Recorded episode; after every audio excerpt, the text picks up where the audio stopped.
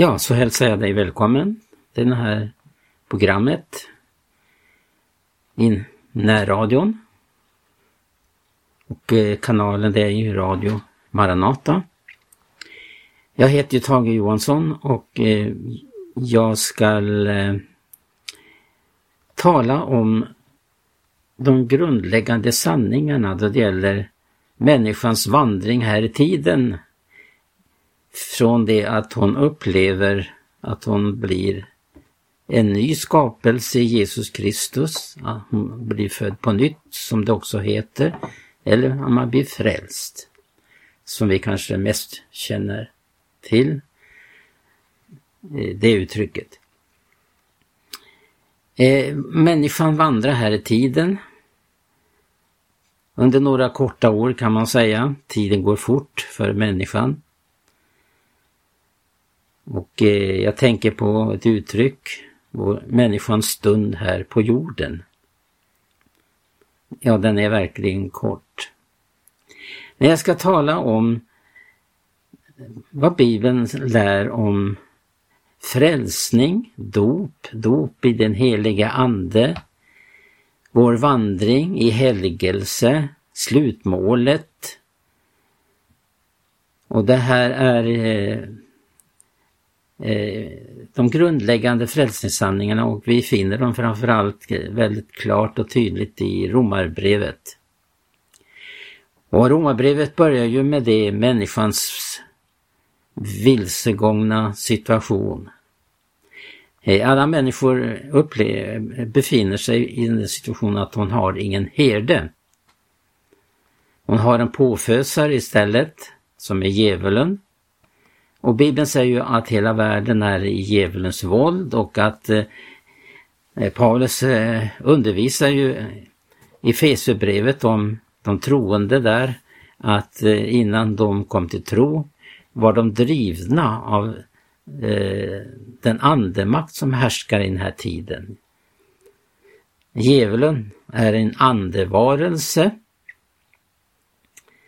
Han är också en eh, eh, skapad personlighet av Gud som en gång i tiden avföll. Men nu ska jag ta upp först det här då det sker ett stort under i en människas liv då hon blir född på nytt. Alla är i behov av att bli född på nytt för att bli ett Guds barn. Det finns bara två kategorier människor i den här världen det är Guds barn och det är djävulens barn. Och den tydliga undervisningen får vi av eh, aposteln Johannes i ett av, det är väl hans första brev som han tar upp det här. Som rubrik står det där i ett av kapitlen, är Guds barn och djävulens barn. Romarbrevet säger också att alla människor har syndat. Alla människor är saknade av härligheten från Gud och människan måste uppleva detta med pånyttfödelsens under för att bli ett Guds barn. Och ett annat uttryck där det handlar om att bli född på nytt. Du måste födas på nytt, sa Jesus till Nikodemus. Ja, en lärare i Israel, han visste inte hur man blir född på nytt. Du måste födas på nytt, sa Jesus. Och du är Israels lärare förstår inte detta. Detta med att bli född på nytt, det kan upplevas som mycket dramatiskt i vissa människors liv. Eh, och vi kommer då också att tänka på hur eh, det sker i eh, en människas liv. Och vi, det kan ske i olika åldersgrupper, man, vilken åldersgrupp man tillhör. Då man kommer in på det här så tänker vi på barnen. Och vi vet också att det finns mycket märkliga läror om detta om ett barn tillhör Gud eller, eller om man måste döpa det för att det ska på det viset födas in i Guds rike. Och det är ju helt vilseledande läror. Vi kan ju finna det här till exempel i den lutherska läran, i katolska läran, eh, som väldigt eh, tydlig eh, är en villfarelse. Och vi har också det här med i, i Svenska kyrkan man döper barn. Och man gör det på fel grunder. Det är ju också idag faktiskt eh, frågan om att man vacklar inför detta med ett bibliskt dop och vilka som ska döpas. Nu är det så här att eh, vi förstår, om vi tänker oss ett barn, det ska ju inte döpas som barn. Ett barn tillhör Guds rike eh, och det är väl så här att eh, ett barn där för dem tillräknas Jesu försoning. Så är det också med ett förståndshandikappad människa som lever hela livet barnastadiet. Och där är det helt uppenbart också att dessa som tillhör den gruppen, där tillräknas också Jesu försoning. Ja, dopet, det eh, ska ju ske först efter att en människa har blivit född på nytt. Men som jag sa så kan pånyttfödelsen ske eh, i, kan ske i dramatiska omständigheter. Allt beroende på huruvida människan är då hon ställs inför detta att ta emot Jesus så som en personlig frälsare. Det finns det som eh, knappast har upplevt eh, något speciellt märkligt. Vi tänker oss barn som växer upp med troende föräldrar. Eh, som jag sa, barnet när det, det tillhör Guds rike. Intill dess att den är i den ålder att man kan själv avgöra om man vill tillhöra Jesus eller inte. Och då inställer sig behovet i att eh, ta emot Jesus som en personlig frälsare. Ja, min fru Gertrud till exempel berättade att eh, hon blev frälst vid tio års ålder. Var på ett enkelt litet utpostmöte till en pingstförsamling i Halmstad. Och eh, i det lilla mötet så upplevde hon att hon ville överlämna sitt liv. Uppväxt med troende föräldrar, men det kom en tid då hon upplevde behovet av att, att eh, skulle hennes vandring fortsätta med Jesus eller utan Jesus, det var det som är frågan. Det här kan också vara olika från människa till människa. En del då kan uppleva det här tidigare, en del lite senare. Men det sker i alla fall i barnaåren. Vad sker då när en människa blir född på nytt? Ja, det handlar ju framförallt att hon är föremål för den heliga Andes påverkan som bereder möjlighet att man skall ta emot ordet i sitt hjärta. Så man får uppleva det som, som står i Romarbrevet 10 att man blir frälst genom hjärtas tro. Alltså ordet är i sig en pånyttfödande kraft. Petrus säger ju detta att eh, de är födda på nytt genom Guds levande ord, ett utsäde. Ett levande utsäde. Och då det människan har, öppnar sitt hjärta är beredd att ta emot ordet och bekänna Jesus genom hjärtats tro och munnens bekännelse blir man ju frälst. Och det är det här då som handlar om pånyttfödelsen. Man blir född på nytt. En del kan uppleva det väldigt dramatiskt. Jag vet eh, då jag, den tiden jag bodde i Stockholm och arbetade där i församlingen så kom det mycket folk i den tiden på mötena. Och bland annat så kom det en man i medelåldern och eh, var påverkad av mötena. Han kom och kände att det var en dragningskraft i mötena.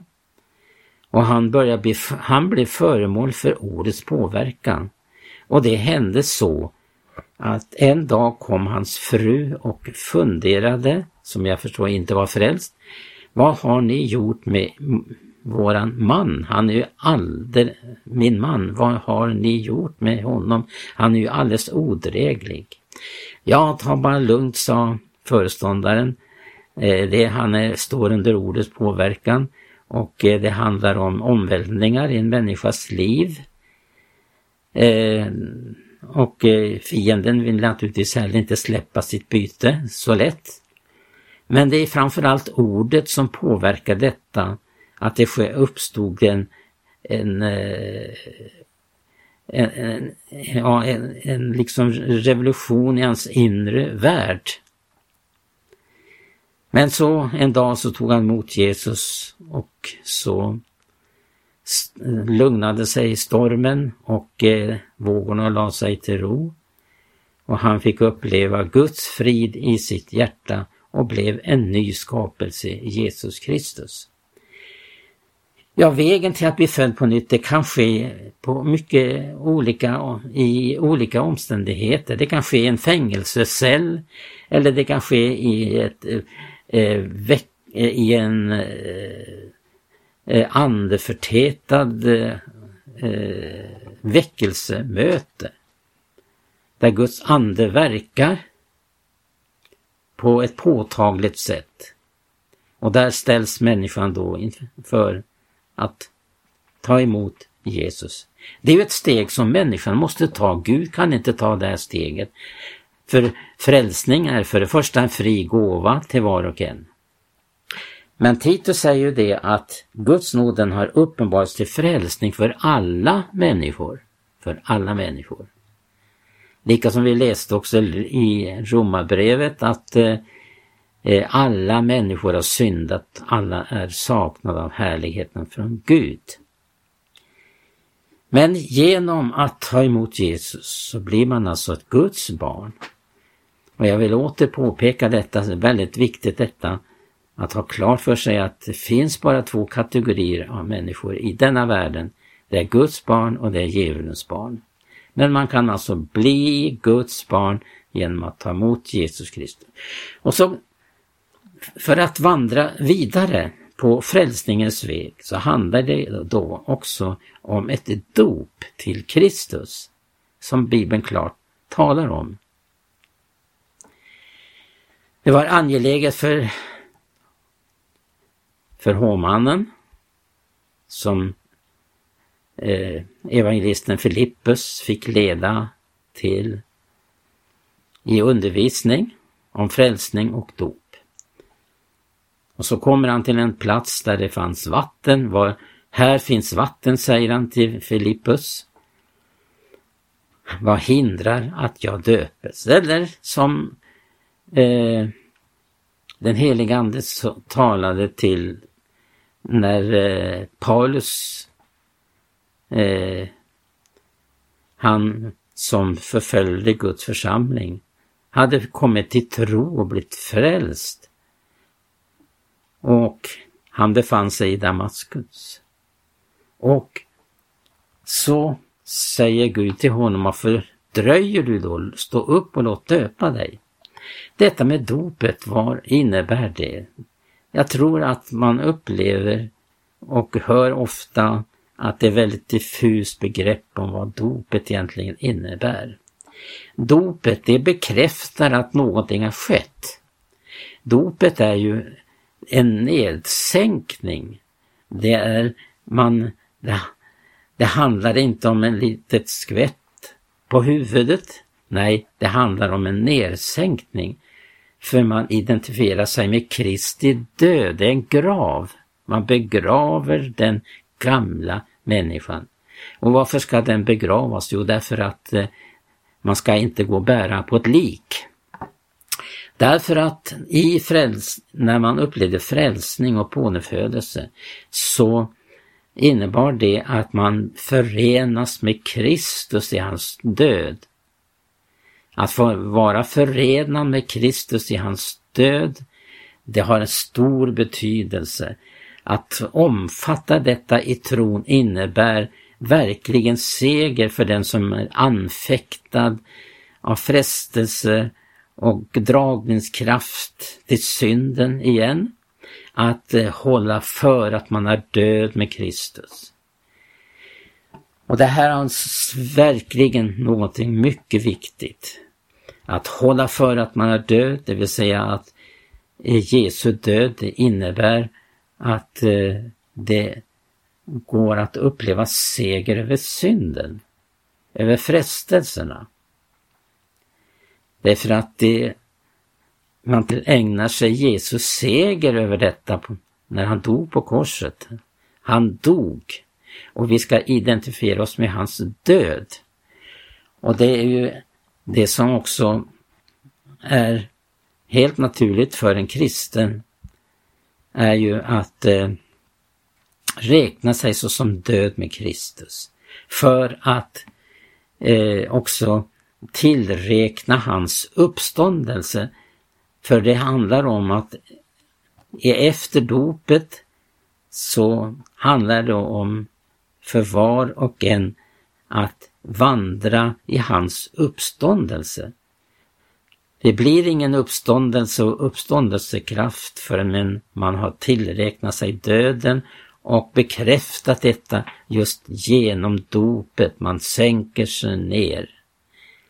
Och det var väl inte något skvätt vatten som det handlade om när Israels barn tågade ut ifrån Egypten. Utan hela faraos här dränktes i havets djup. Det var en grav. Det, det markerar en gräns för eh, det handlar om att man har inte längre med den här världen att göra. Egypten är ju en bild på världen. Vi frälsas ifrån världen. Vi är i världen men inte av världen, undervisar Jesus i Johannes evangelium. Men vandringen går ju vidare. Efter dopet så eh, upplever människan för det mesta att hon upplever dop i den heliga Ande. Det finns undantag naturligtvis. Man kan uppleva dop i den heliga Ande före att man döper sig till Kristus. Så skedde i Cornelius hus. Ja, Gud hade inte tid att vänta med dopet där. Först blev de födda på nytt genom, genom att eh, Petrus undervisade dem om det ord som, genom vilken de skulle bli frälsta. Och under det att de upplever pånyttfödelsen genom det levande ordet som förmedlas av Petrus, så blir de också döpta i den helige Ande. Och därefter fanns det inget hinder för att de skulle döpas till Kristus. Det är ju väldigt tragiskt idag att man inte håller fast vid det här dop, den här dopsanningen. Då det till exempel idag kan man få del av nyheterna på det religiösa området. Att man intar nu eh, medlems, fullt medlemskap, även de som är barndöpta. Och därmed bekräftar man en villfarelse. Tänk vad denna villfarelse har haft ett grepp om vårt land och folk i gångna tider. Tänk den som predikade dopet fick sitta i fängelse på bröd och vatten. Många baptister fick sitta i fängelse, många blev förföljda, många fick eh, avstå från samhällets rättigheter på grund av att man förkastade barndopet och eh, gjorde upp med Svenska kyrkans lära om detta. Vandringen går vidare som sagt. Så kommer vi in på detta med dop i den helige Ande. Men man kan säga så här att vi får den helige Ande först till pånyttfödelse, att bli född på nytt. Men vi får också den heliga Ande för vår tjänst, för vårt, att vi inte ska sitta med armarna i kors, utan vi ska vara aktiva för Jesus. Och det är ju det som var grunden till att evangelium nådde ut över hela världen. Det var på grund av att man upplevde den heliga Ande i, till det uppdraget. Ni ska få kraft, som Jesus säger, att bli mina vittnen eller martyrer som det också står i grundtexten. Ja, då har vi kommit dit hen att vi får en uppgift och vi får också eh, ett liv att leva i helgelse, i renhet. Därmed är det inte sagt att vi har nått målet för att vi har blivit födda på nytt och döpta och i både vatten och helig ande. Utan sedan återstår det att uppleva eh, det Bibeln talar om helgelse. Och då för eh, Hebreerbrevets författare säger ju detta att utan helgelse får ingen se Herren. Och det är väl det som också, den tanken som Paulus är inne på när han skriver till Timoteus att sök att vinna det eviga livet. Vi har inte nått det eviga livet förrän vi kommer i mål, om man säger så. Förrän vi har fullbordat vårt lopp. Om vi nu har haft tillfälle för det. Rövaren på korset hade inte tillfälle det. Han gick efter det att han tog emot Jesus på korset, gick sedan raka vägen till paradiset. Men Bibeln säger att vi ska inte förtröttas här i tiden. För om vi inte förtröttas så ska vi när tiden är inne få inbärga en skörd av vårt liv. En sådd är vårt liv i tiden, ja och en gång ska inbärgning ske. Och när det har skett, då är vi redo att gå ta emot segerkransen. Och det är så viktigt också i denna tid att vi verkligen eh, håller oss vår dräkt ren med tanke på att Jesus kommer på himlens skyar och då är frågan om att vi lever i renhet. Vi lever som en avskild brudeskara. Det är frågan om detta. Är vi redo? Lever vi i helgelse? Lever vi i renhet? Eller, händer, eller har det hänt så som det skedde i en församling att de flesta hade orenat sina kläder. Men de som inte hade gjort det, säger Jesus, som ska vandra med mig i vita kläder. Det är en kamp och vi eh, får ju verkligen eh, bekräftat av det att det är en kamp när Paulus skriver till Timoteus att kämpa, jag sök att vinna det eviga livet. Och för hans egen del säger Paulus om sig själv, jag har kämpat den goda kampen och nu ligger rättfärdighetens segerkrans till reds åt mig och inte bara åt mig utan alla de som har älskat hans tillkommelse. Därför får sätta punkt den här gången. Tacka för att du har varit med och lyssnat, du som har kunnat. Och vi önskar dig allt gott och Guds rika välsignelse på återhörande.